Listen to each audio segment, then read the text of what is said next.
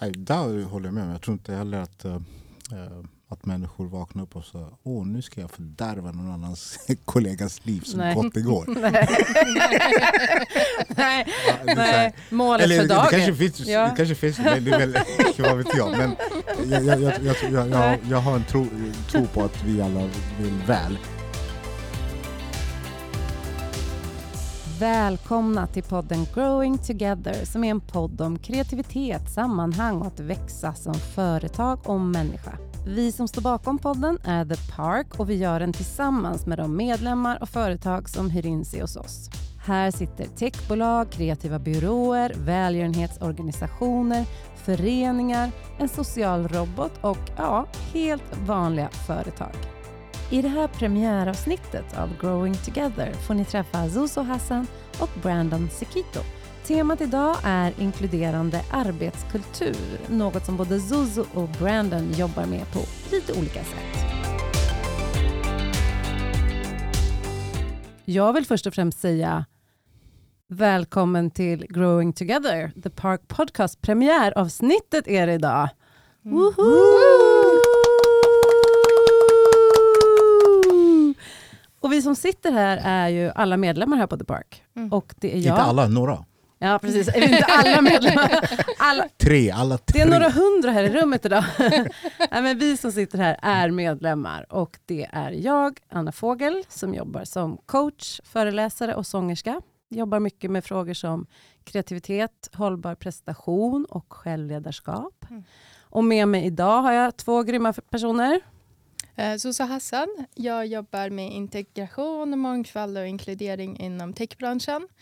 Eh, Det jag gör eh, genom mitt bolag är att jag matchar utrikesfödda ingenjörer med teknikföretagen i Sverige. Grymt. Och? Och Brandon Sekito. Jag sitter här och jobbar med olika projekt. Men några av de sakerna som jag jobbar med är lite grann av det här med inkludering. Men framförallt utifrån den branschen jag är aktiv inom. Det är i media och kommunikation. Där vi väldigt eh, eh vad ska man säga? Vi jobbar väldigt mycket med så normkritisk kommunikation. Det vill säga hur vi... Alltså, kommunikation är ett otroligt starkt verktyg. Eh, och då tittar vi, försöker titta på vilka ordval vi väljer att använda när vi ska nå vissa typer av målgrupper eller marknader och så vidare. Men också hur det speglar sig i bildformat. Eh, bild, som ni är bekanta med, det har ju ett väldigt starkt eh, vad ska man säga, påverkan på oss. Eh, och det kan antingen förstärka eller utbilda oss kring hur vi ser på den andra eller andra människor och så vidare. Så lite, grann- lite grann av det så jobbar jag med interkulturell kommunikation. Det är det som jag sitter och jobbar med här. Grymt. Mm. Och varmt välkomna. Så kul att just ni är här idag tillsammans med mig tycker jag. Mm. Och vi ska prata just om det. Eh, hur, så här, hur kan man som företag, organisation, men jag tänker också så här, som kollega eller eh, ledare, alltså även på en, ett individuellt plan, skapa en inkluderande kultur. Mm. För där är vi ju alla medskapare. Mm. Det är inte bara chefen, utan jag tänker det är även eh, jag är del av mina kollegors arbetsmiljö till exempel. Mm. Så ni gav ju en kortare presentation, men de berättar lite mer. Så, så hur, hur jobbar du med inkludering? För ni jobbar ju med det på olika sätt. Ja, absolut. Eh, det vi har sett är att det finns ett behov ute på marknaden. Eh, teknikföretagen skriker efter ingenjörer men samtidigt så finns det ingenjörer med internationell och mångkulturell bakgrund som inte hittar eller på ett snabbt sätt kommer in på arbetsmarknaden i Sverige. Eh, så genom att nischa oss på den målgruppen och fokusera på den målgruppen så kan vi skapa eh, möjligheter och framförallt se till att få ut de här ingenjörerna på arbetsmarknaden snabbt så att de kan komma in och bidra med sin kompetens och sina perspektiv och erfarenheter och så vidare. Eh, och det är någonting som vi alla vinner på.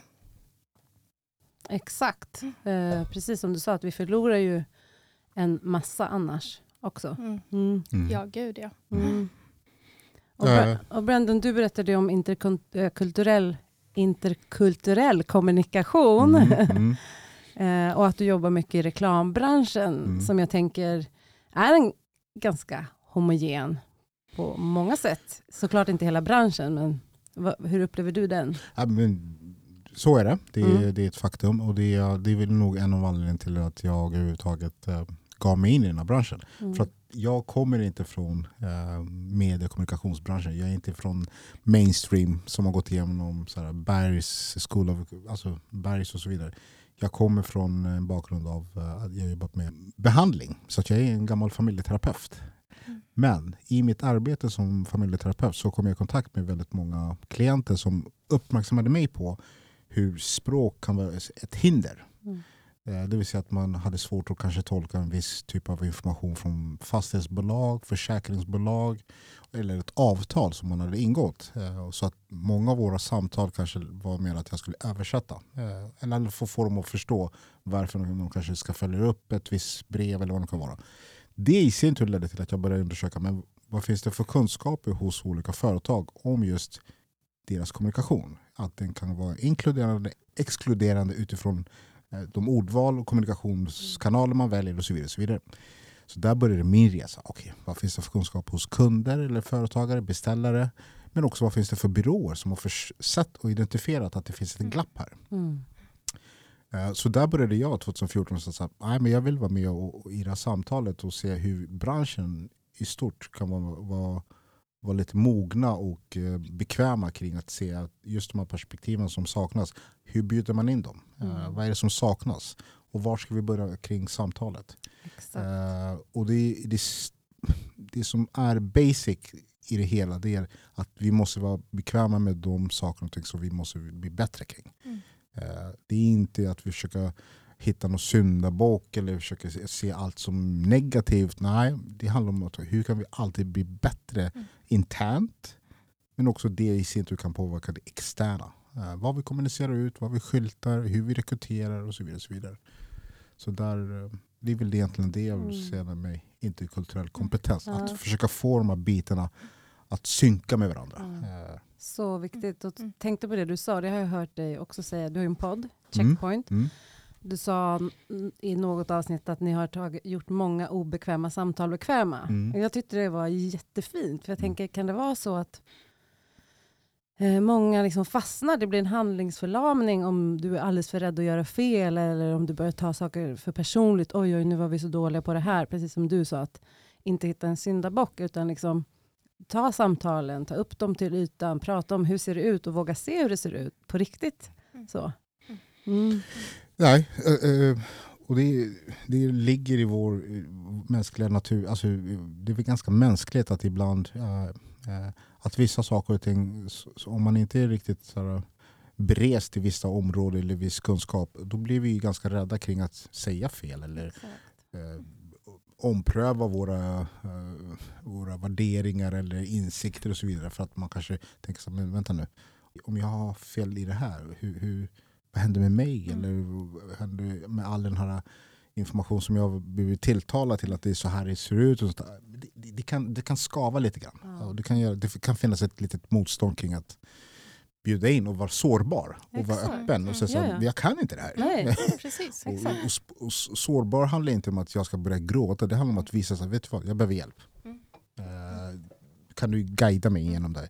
Och det kan vara väldigt obekvämt ibland, vilket jag kan förstå. Mm. Men jag menar på att i våra samtal och det vi gör, en av nycklarna är, det är ju sitt still och tro på processen och bjuda in till att det finns andra sätt att se på saker och ting. Eh, Det finns ju inga lätta svar på saker men just att vara bekväm med att det kan, det kan berika dig. Absolut. Ja, Mm. verkligen. Mm. Och, och vad tycker ni, om vi ska så här, reda ut begreppet och ringa in, här, vad är en inkluderande kultur? Vad säger du? Så, så, vad, vad behövs finnas? När det kommer liksom till just inkludering så eh, behöver vi liksom gå utanför våra, vår comfort zone.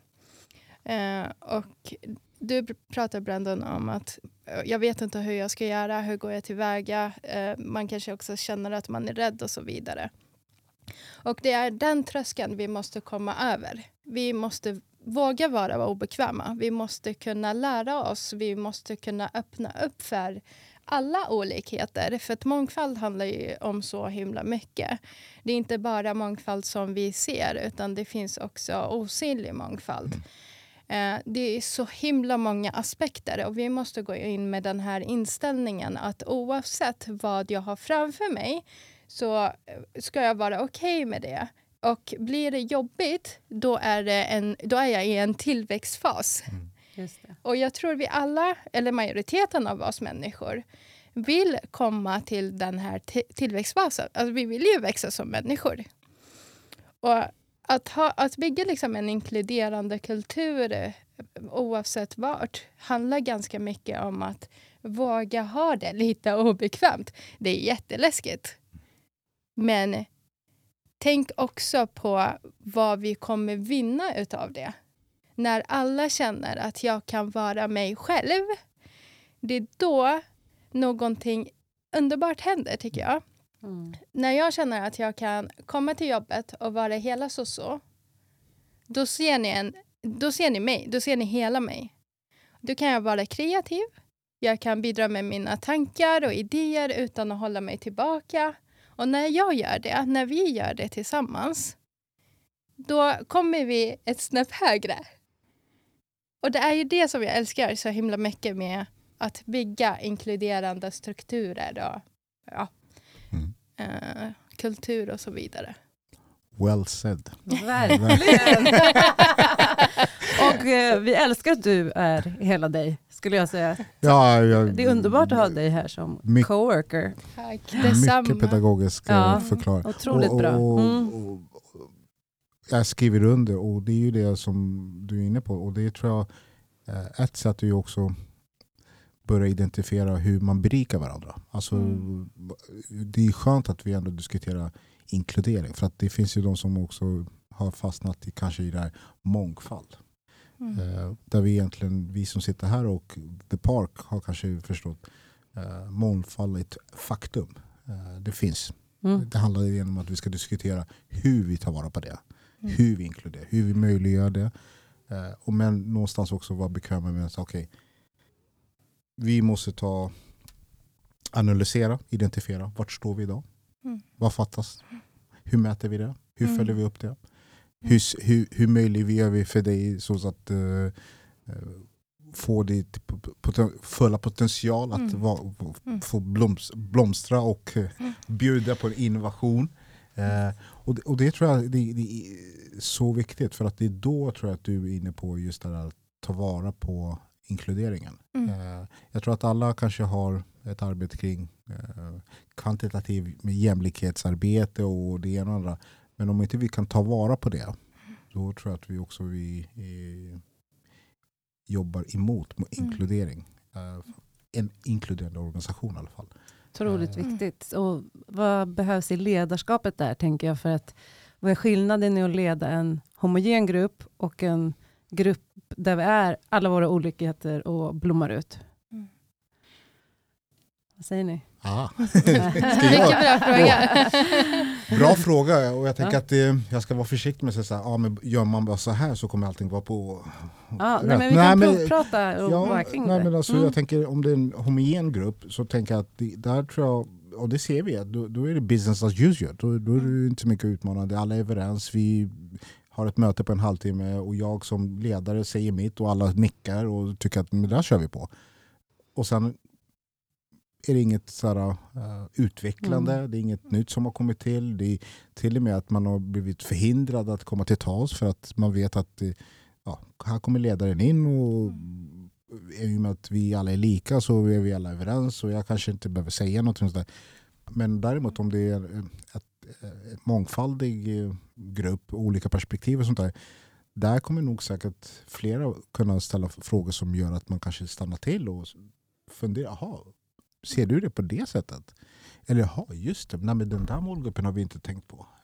Eller ah, nej, just det, varför använder vi den här rekryteringsfirman år in och år ut som levererar exakt samma kandidater? Mm. Mm. Eh, de här sakerna får ta plats och det är då tror jag att vi växer som mm. individer men också som organisation. Mm. Men om man tittar på en kultur där mångfald finns och en ledares roll där, det är ju också att se till att mångfalden också får få vara, få ta plats. Eh, och bli sedd och få belöning kring det. Och det i sin tur kommer kanske öka möjligheten att man hittar en lönsamhet, Mm. man hittar en eh, gemensam sådär, styrka oss emellan. Alltså vi stärker varandra, vi respekterar varandra oavsett vad du har för religion eller oavsett vad du har för språkkunskap eller nivå och så vidare. För att återigen, ett språk är inte ett tecken på ens intelligens eller innovationsförmåga. Och det tror jag också ledare ska förstå. Och, och säga så här, okej, du har andra saker som, som berikar oss. Eh, och så vidare.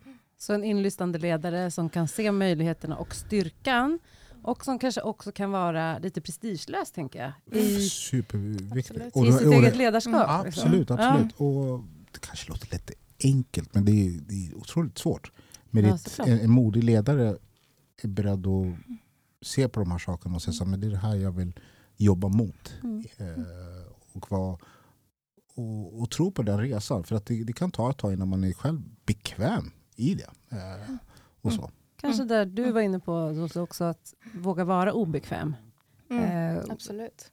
och, och inte tänka att det alltid ska vara bekvämt. Det Mm. kanske är det är också många får om bakfoten, att vi har en bild av att det ska vara bekvämt. Mm. Och det ska vara smooth och det ska gå Mm. enkelt. Och, Om det är bekvämt Ja. så gör du fel. det ska inte vara bekvämt. Nej. För kommer vi med våra olikheter, då tänker vi annorlunda. Mm. Och när vi tänker annorlunda, det är ju där som liksom för, alla fördelar kommer ut och blommar ur mångfalden. Och så länge du är chef eller ledare och så vidare och du har det bekvämt i din grupp så gör du förmodligen fel. The Park erbjuder även lokaler till event och möten, studios för olika typer av livesändningar och såklart coworking. Är du nyfiken? Hör av dig till oss.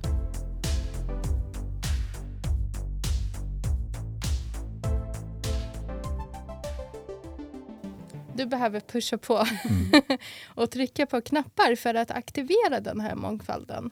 Och då kommer det bli obekvämt. Men ingen kommer dö av det. Tvärtom, ni kommer bli mycket starkare som grupp, Mm. som eh, team i, i de projekten ni gör och i allt annat. Eh, Och det kommer sprida ut sig också till organisationen.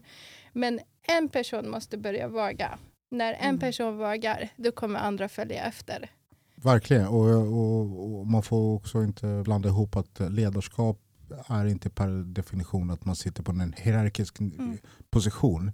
Det finns ju jättemånga personer som kanske sitter på sådana positioner men människorna runt omkring ser inte dem som ledare just för Mm. att man inte ser värdet i dem man berör runt omkring sin egen organisation och möjliggör att de i sin tur kan agera som ledare för att sen kanske påverka the outcome om ni förstår vad jag menar. Mm. Mm. Eh, Exakt. Förstår? Eller? Mm. Does it make sense? Du, du tänker mer informella ledare. Ja. Alltså, du kanske inte har en chefsposition, Ja, men du har en ledarpotential. exakt. Eh, men den behöver också få uppmuntras. Att Exakt. någon Mm. ser den. Exakt, exakt. Eh, eller hur? Absolut. Ja. Mm. Eh, bra! Vi. Vi gick i samma skola Vi alla i samma skola, så att vi är ju en väldigt homogen grupp här.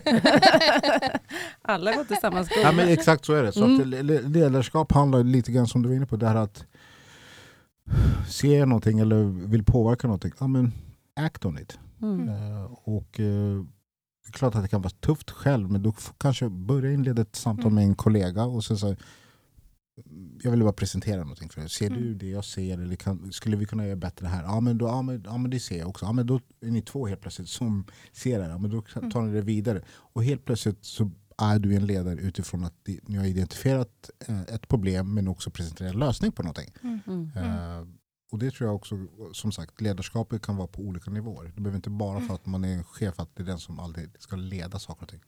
Absolut. Och, och Mm. där tänker jag också det här med att vi varje individ är del av varandras arbetsmiljö. Så det är också intressant att hur kan jag som del av en organisation vara mer inkluderande? Mm. Mm. Mm. vad säger ni, vad kan en individ göra? Jag tänker att alla, eller många har nog erfarit hur det är att eh, inte bli medbjuden på en lunch eller alltså de här Mm.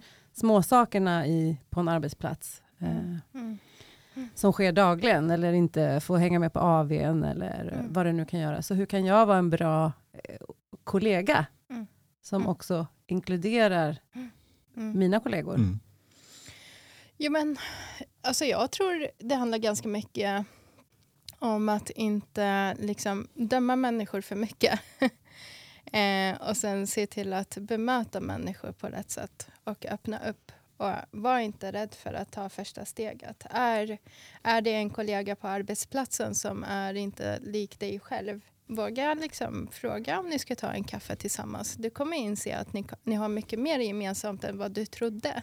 Mm. Du bygger, vi liksom, människor vi är uppbyggda på det sättet att vi, liksom, vi tror att vi vet vem vi har framför oss. Vi bygger upp stories om den personen innan vi ens har lärt känna den personen.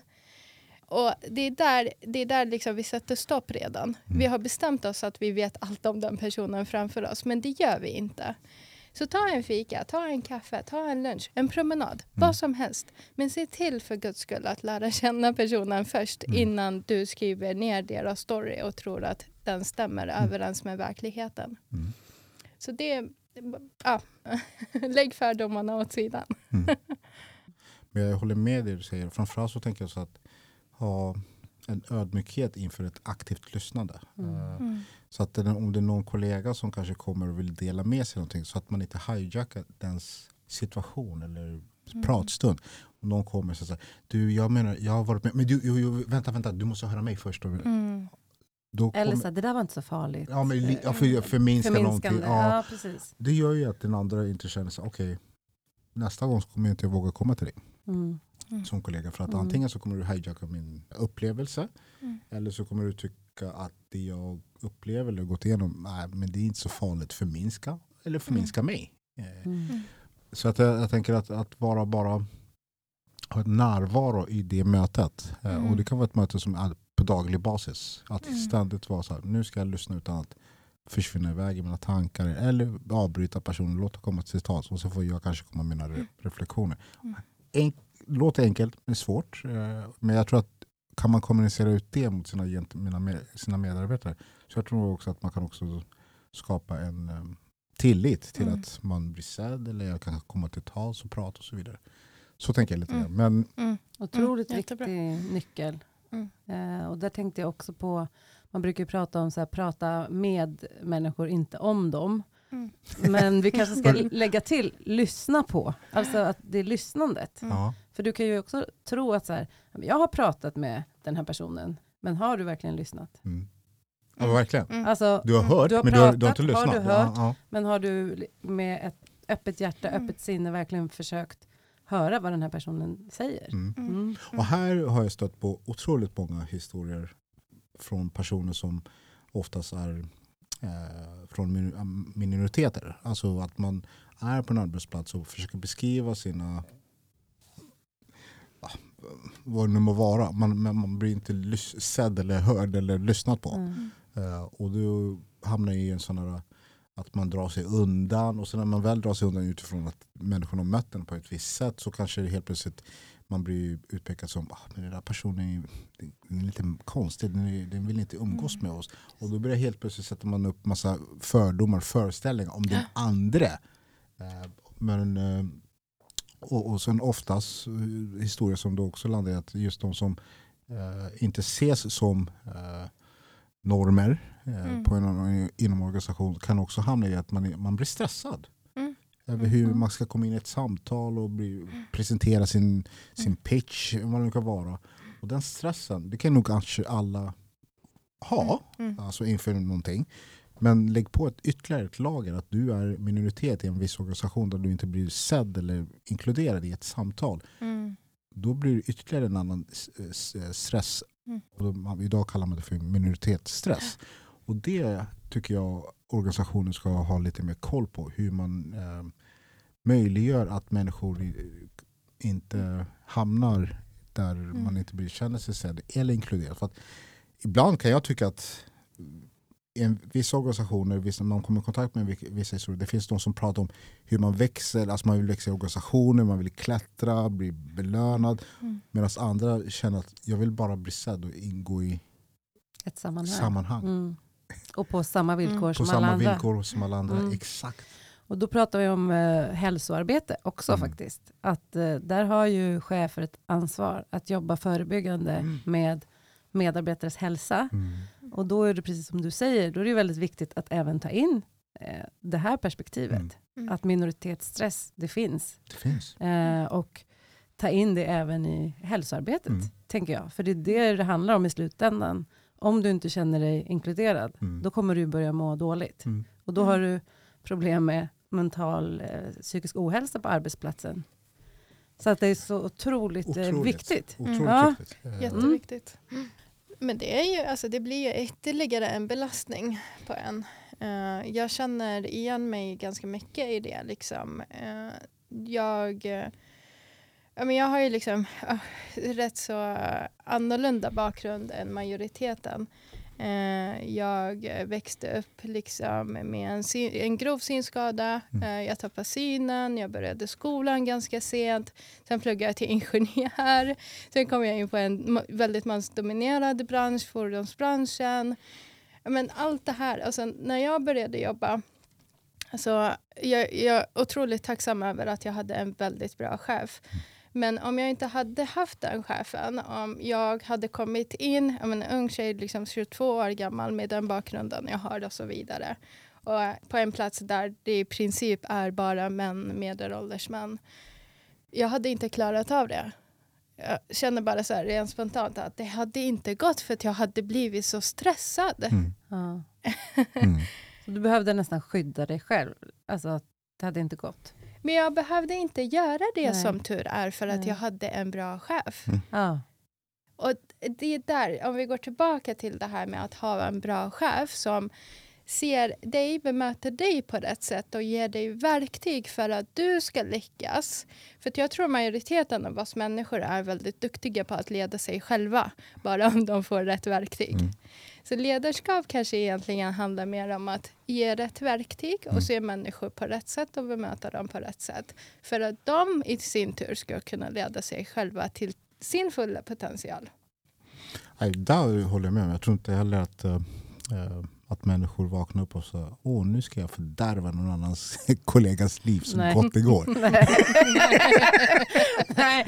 Ja, det. Målet Eller för det, det, dagen. kanske finns, Ja. det kanske finns, men det är väl, vad vet jag. Men jag, jag, jag, jag, jag, jag, jag har en tro, tro på att vi alla vill väl. Ja. Men det är, det är lite grann det du är Mm. inne på, att eh, man vill väl men det kan också handla om att man gör fel ibland. Men det är också att säga, okej jag gjorde fel.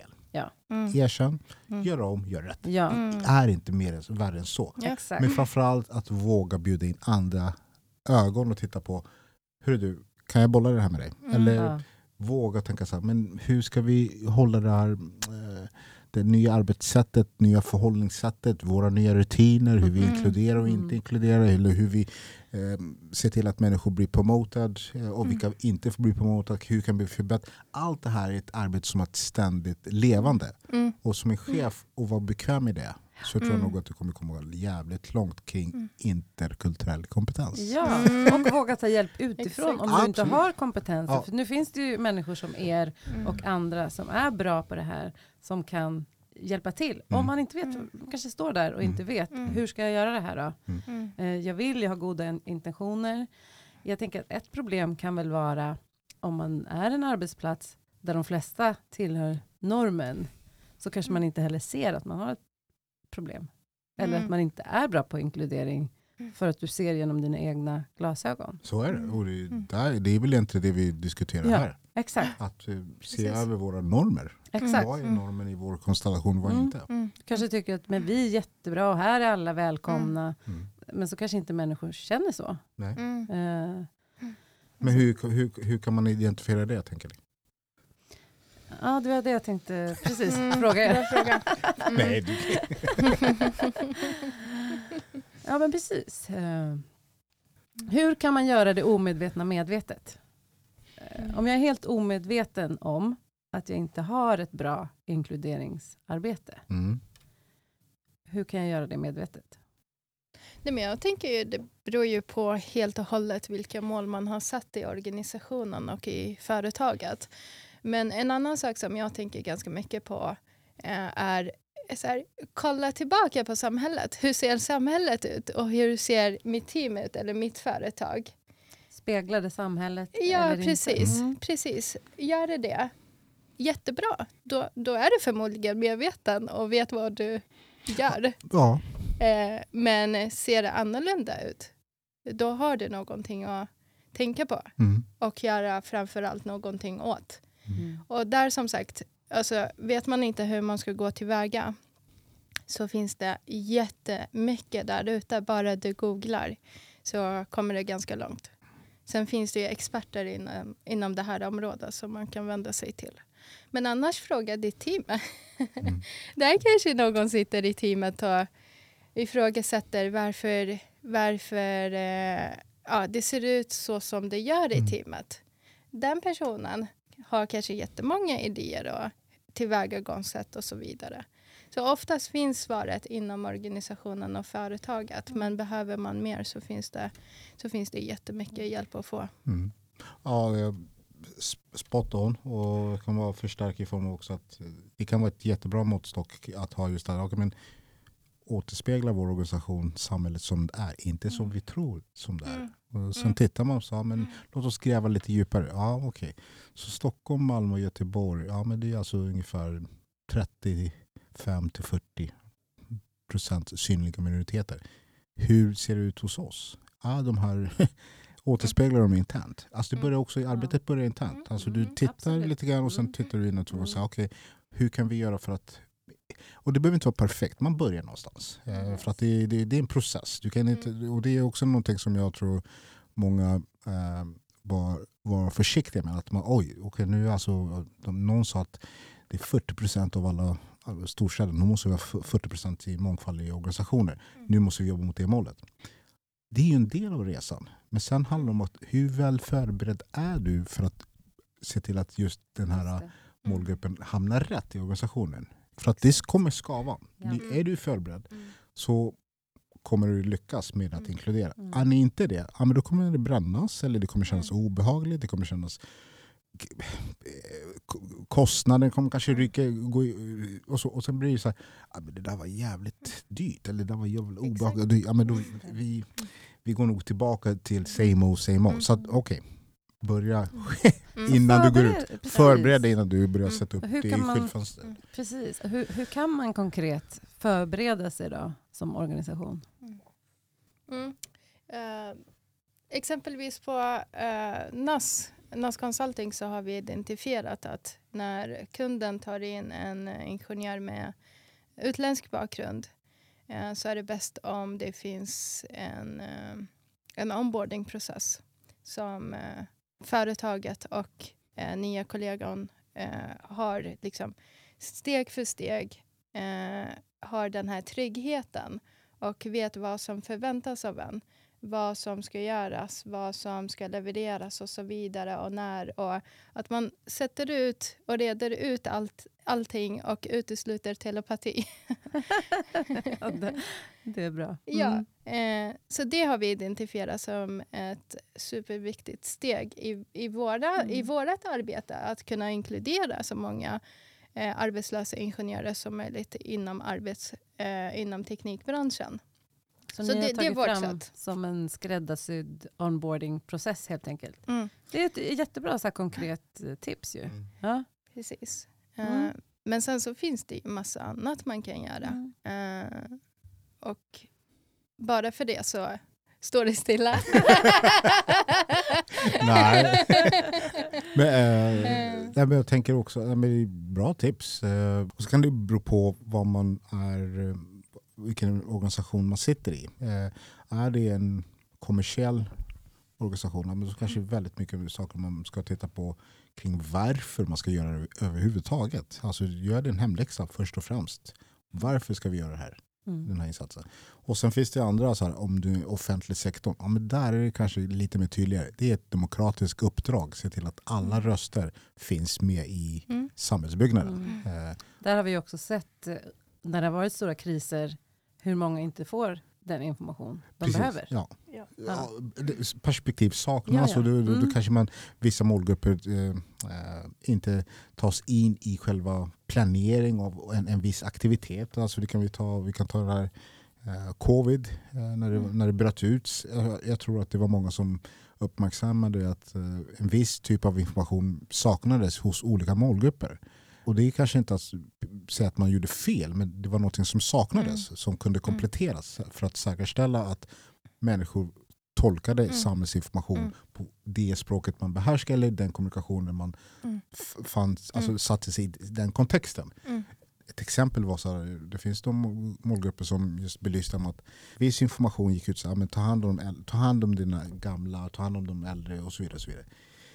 Vissa målgrupper upplever det som, oh shit, jag, där jag kommer ifrån till exempel, ja, men jag måste gå hem och ta hand om min äldre. Jag måste finnas till där. Mm. Men fi- sen fanns det andra som, som menar på att om ta hand om den äldre handlar om att jag ska hålla avstånd. Mm. Eh, jag ringer istället för att besöka. Mm. Så att, för man måste faktiskt anpassa sitt budskap utifrån den kontexten man vill nå en viss målgrupp. Ja. Eh, Och det är en investering som tror jag, om man varken sätter sig ner och Mm. står still i det, det är en väl värd investerade Mm. Alltså tid. Mm. Mm. Eh, Absolut. Och ett tips bara, se till att ta in också människor ifrån den målgruppen och Absolut. diskutera med dem. Så att inte... Prata med inte om. Ja, exakt. Precis, exakt. exakt. Och För det, lyssna. ja, för att det är, Ja. det är då budskapet faktiskt når fram. För Mm. då vet man också hur man ska göra. Mm. Eh, Så ja, Mm. det blir ju liksom konstigt om man ska ta beslut om ett eh, viss, en viss liksom minoritetsgrupp och så sitter ingen i den här gruppen som ska fatta beslut. Mm. Vem tar ni beslut åt då? Exakt. Och där är vi tillbaka till det du var inne på också, det här att inte göra antaganden och telepati och tro att, att jag vet allting om någon eller försöka lista ut. Det går ju att få svar. Mm. Absolut, bara man är inbjuden. Och, Exakt. och jag som en gammal eh, stark övertygelse om KBT Mm. så har man ju just det här att också så här, det sitter djupt, inte djupt, men det sitter ganska i mig att, att man har en sån här icke-vetande position. För att det är då du får ut det mesta av ett samtal. Men om jag går in så att det här har jag gjort 20 år, det här kan vi, det, vi vet. Mm. Ja, men då har du redan nästan bestämt hur samtalet, vad det ska luta sig någonstans. Men om du bara lutar ett, ett, ta ett steg tillbaka, nu ska jag bara lyssna in, jag har noll koll på det här, jag är beredd att lyssna. Mm. Och sen tror jag då du kommer också med största sannolikhet också kunna få syn på andra insikter som vi inte hade tidigare. Exakt. Mm. Då handlar det ju om inställning. Det är också lite psykologi, det här med growth mindset och fixed mindset. Mm. Att ska gå in och ha en inställning att jag, jag redan kan det här och jag ska visa mig väldigt kompetent och duktig. Eller kan jag gå in med ett, eh, ett mindset där jag ska lära mig någonting. Mm. Det är två helt olika ingångar i Absolut. ett samtal. Mm. Men hörni, jag är nyfiken på er faktiskt. För att ni är båda entreprenörer Mm. och egenföretagare. Mm. Och eh, du är ju själv ingenjör så, så, och du sa att du har varit familjeterapeut, beteendevetare va? Också? F- eh, nej, inte beteendevetare, men steg ettare är familjeterapeut? KBT. Ja, Mm. KBT. Mm. Så hur kom det sig, vi börjar med dig då Branne, hur kom det sig att du slutade jobba med det och blev entreprenör och började jobba med kommunikation? Bra fråga. Eh, De här, eh, jag, jag ser en röd tråd i det hela, eh, varför jag ändå sitter och jobbar med de här frågorna. Eh, Och den röda tråden är att jag vill möjliggöra och, eh, och på något sätt också eh, föra in ett samtal i rum och hos människor som för och med människor som kanske inte alltid har en röst. Vad jag menar med det är att jag kommer ändå från ett visst område som präglade mig på ett, ett eller ett annat sätt. Eh, Jag var ny i Sverige, jag kom hit 87. Jag kom ganska tidigt i kontakt med eh, inkludering. Och det här var inte inkludering ute i samhället, det var faktiskt inkludering, nu är jag väldigt privat här, men det var inkludering i form av min egen familj. Så där började min resa i form av att känslan av att jag vill tillhöra. Jag vill Mm. bli sedd. Mm. Jag vill eh, se, någon, se mig för den jag är. Mm. Men när man, när man inte gjorde det så var jag väldigt så här, eh, Eh, ja, men jag ville leva ut det på något annat sätt. Så att jag hamnade väldigt mycket i så här, eh, destruktiva miljö, livsval om man säger så. Sen spolar man fram lite grann så började jag jobba med barn och unga för att jag kände att jag hade en viss förståelse för vissa som kanske gick igenom något jag gick igenom tidigare. Och hur kan jag stötta den individen i att det går hitta bättre livsval och så vidare. Så jag började jobba mycket med ungdomar. Jag jobbade på Eh, beroendeakuten på Sankt Görans sjukhus. Jag gick över till Maria Ungdom och jobbade med barn och familjer där. Men det var där jag kom också i kontakt med ett samtal där jag kände att oj, det här kan inte jag hantera riktigt. Och då kände jag att nu vill jag investera i tillbaka till skolbänken för att hantera ett samtal som handlar om att möta upp ungen, barnet, klienten där den är, men också familjen. Det var ett system som skulle tillsammans se en gemensam möjlighet till att förbättra situationen. Och det kunde inte jag riktigt hantera. Så där kom min utbildning till att utbilda mig till familjeterapeut. För att också hantera de samtalen. Men efter den utbildningen, efter att jag jobbat med barn och familjer, som jag nämnde tidigare, det var där jag var också uppmärksammad kring hur språket kan vara så viktigt för eh, familj och en, en individ. Om inte jag kan sätta ord på saker och ting då kommer jag kanske använda andra medel för att sätta ord på saker och ting. Då tänkte jag att amen, eh, jag vill förstå hur företag ser på de här frågorna. Eh, hur kan de göra det lätt tillgängligt? Eh, nå människor så att de människorna kan känna sig en del av samhället, en del av communityn, whatever. Alltså så. Alla vill vara med och bidra till ett, en trygg samhälle. Så är det bara. Det handlar om att nå dem och se till att de har också ett verktyg och de är också viktiga.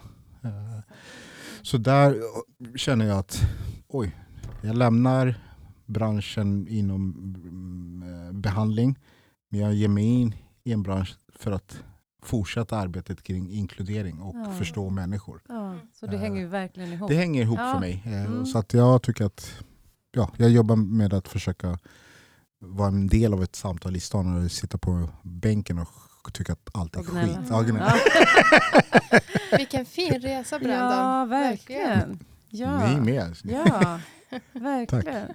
Och du då så, från ingenjör till att förmedla ut ingenjörer. Ja. Du jobbar ju fortfarande, du mm. tar ju också egna uppdrag som jag fattar. Men, mm. Mm. Det gör jag ibland. Uh, nej, men min resa började med att jag, alltså, med min unika bakgrund så har jag varit ganska mycket exkluderat inom en rad olika aspekter uh, och i samhället och så vidare. Uh, och sen så, jag hamnade av en slump i ingenjörsbranschen. Och där kände jag att jag kom hem. Och det var en bransch som uh, ja, öppnade sitt hjärta för mig. Mm. och jag fick utlopp för min kreativitet och jag växte så otroligt mycket. Och jag kände bara att ja, men det här är så himla bra. Så det som hände var att eh, Eh, jag har jobbat på eh, tre jättestora bolag. Eh, och eh, under min tid som ingenjör så träffade jag på utrikesfödda ingenjörer som stod utan arbete. Och jag som är liksom inom branschen och hörde hela tiden mina chefer och alla andra som säger vi behöver kompetens, vi behöver ingenjörer. Vi, det, det är liksom kris på ingenjörer. Så kunde jag inte förstå varför de ingenjörerna som jag mötte var arbetslösa. Mm. Så det började där och så började jag liksom gräva i det här. Vad, vad finns det för insatser riktade mot utrikesfödda ingenjörer? Vad saknar det för insatser? Vad kan man göra? Och så vidare. Och den som känner mig vet att när jag börjar gräva i någonting så kan jag inte sluta gräva. och därför föddes idén till NAS Consulting. Mm. Så det jag ville göra med NAS Consulting och gör då eh, är att jag bygger broar helt enkelt mm. mellan den här målgruppen och teknikföretagen. Eh, och ja, det, det är så... Uh, mm, det har varit en helt otrolig resa. Mm. Också en så fin historia. Jag hör, jag hör alltså. paralleller i era mm. historier. Mm. Ni såg ett behov som ni också ville vara med och lösa. Fint. Ja, jag, jättefint. Mm. Och jag tänker wow. Mm. Um, men det är också det, det är så härligt att höra för att det är en del av det som inspirerar mig och alla andra. Att man hör en sån resa som du har gjort. Mm. Som gör att hela tiden att, att det inte var en del av normen. Att hela tiden tänka på okay, vad är det som fattas här. Exakt. Mm. vad, är som, vad är det som kan förbättras? Eller vad är det Mm. jag ser som Mm. Jag vill för, eh, påverka på något sätt? Mm. Det, det är så starkt. Och det är, vissa har det, vissa har inte det. Eh, Mm. eh, Jag, eh, jag, jag har en stor respekt för människor som ser vissa saker och ting som man vill påverka till det bättre. Mm. Mm. Så Fantastiskt. tack. Ja. Mm. Tack själv. Och med det behöver, jag, behöver vi, vi kan ju sitta och prata hur länge som helst eh, känner jag. Men vi får nästan börja avrunda. Det har varit så fantastiskt fint att få prata med er idag, Mm. tycker jag. Anna, det var jättetrevligt att få prata med dig. Ja. Ja, Vilken eh, verkligen. härlig inbjudan. Mm. ja. Så Eh, härlig energi i det här Nej, rummet. ja. Verkligen. älskar det. Jag, Eh, alltså, jag vet inte om jag sa det, men har jag påbörjat någonting så vill jag gärna fortsätta. Så att det här är inte, vi säger Mm. tack för just nu. ja, precis. Så tänker jag ses vi igen imorgon, Ja. samma tid, samma plats. att det här är terapi för mig.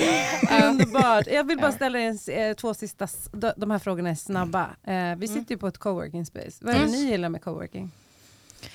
Och mötet med alla människor. Mm. Jag har lärt känna exempelvis dig, Anna och Brandon och massa andra människor här. Och jag känner, hur har jag liksom levt mitt liv innan jag har träffat er? Alltså, Jag har skaffat dels liksom, ja, men, mina eh, kollegor som jag älskar men som också har blivit mina vänner. Och jag växer så otroligt mycket med alla.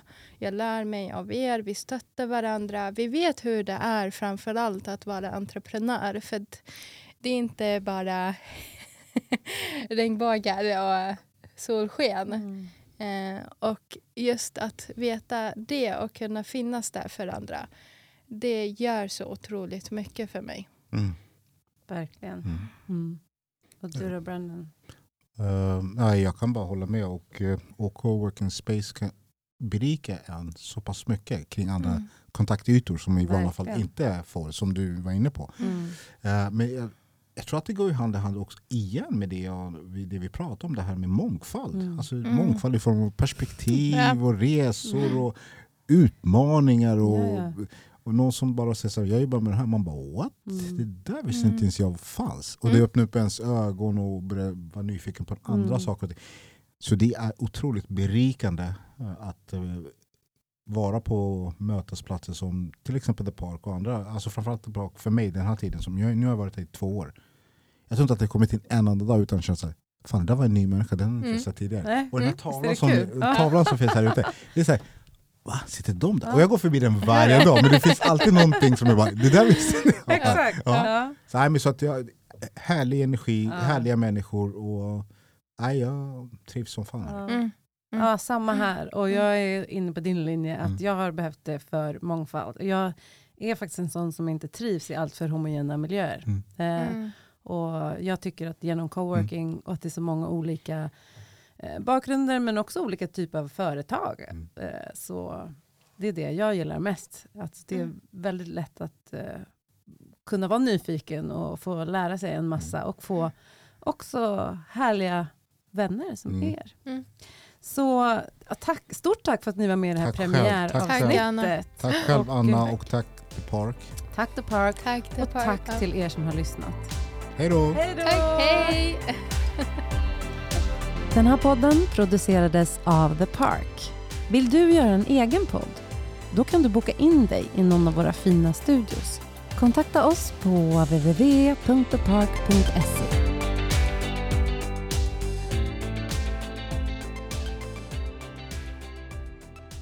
Förlåt Hugo, vi drog över tiden.